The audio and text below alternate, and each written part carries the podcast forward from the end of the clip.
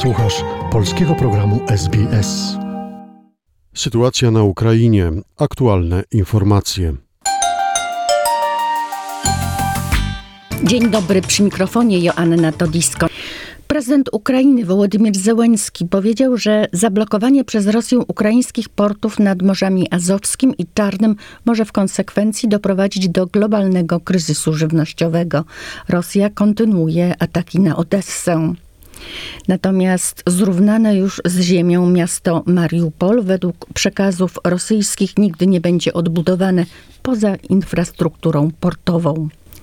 W podziemiach Huty Azowstal nadal są cywile, informuje burmistrz Mariupola.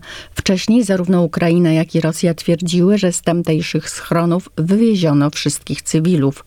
Gigantyczny kompleks hutniczy to ostatnie miejsce w mieście, gdzie bronią się Ukraińcy. Rosjanie od tygodni systematycznie bombardują Azowstal.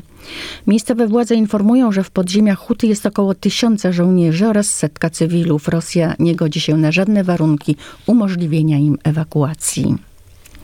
Rozpoczął się 77. dzień rosyjskiej inwazji na Ukrainę. Wojska ukraińskie kontynuują ofensywę pod Charkowem. We wtorek odzyskały kontrolę nad czterema miejscowościami w obwodzie charkowskim i mogą być już nawet 10 kilometrów od granicy z Rosją. Władimir Putin jest groźniejszy od Hitlera i Stalina, ostrzega premier Mateusz Morawiecki w artykule opublikowanym w brytyjskim dzienniku Daily Telegraph. Prezydent Rosji ma do dyspozycji bardziej zabójczą broń i nowe media, które szerzą propagandę. Ruski mir to odpowiednik komunizmu i nazizmu, wskazuje premier Polski i dodaje, że dziś jedyną szansą dla Rosji i cywilizowanego świata jest deputinizacja. Rosja wyruszyła w długi marsz ku zachodowi i nie zatrzyma się w Kijowie. To od nas zależy, gdzie ją powstrzymamy, pisze premier Morawiecki w Daily Telegraph. Posłanka Prawa i Sprawiedliwości Joanna Lichocka powiedziała, że incydent z oblaniem ambasadora Rosji czerwoną farbą nie powinien mieć miejsca. 9 maja w Warszawie przed mauzoleum żołnierzy radzieckich, kiedy delegacja rosyjska próbowała złożyć kwiaty, protestowało kilkaset osób. Jedna z nich zaatakowała ambasadora Siergieja Andrzejewa.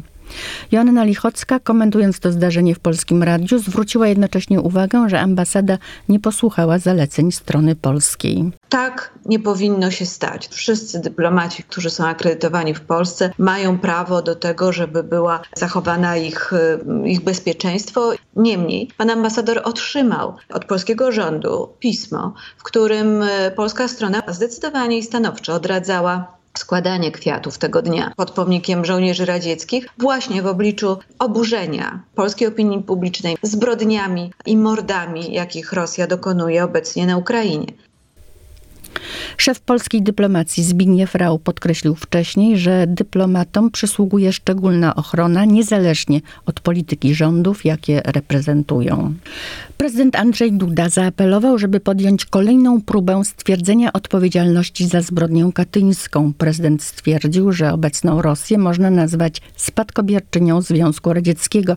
Jest to odpowiedni czas, aby zwrócić się do międzynarodowych podmiotów wymiaru sprawiedliwości w sprawie osądzenia zbrodni katyńskiej. Andrzej Duda w przemówieniu do organizacji zrzeszających rodziny katyńskie nawiązał do wydarzeń na Ukrainie. Rosja i Rosjanie, z przykrością to mówię, niestety pokazali z tą swoją prawdziwą twarz.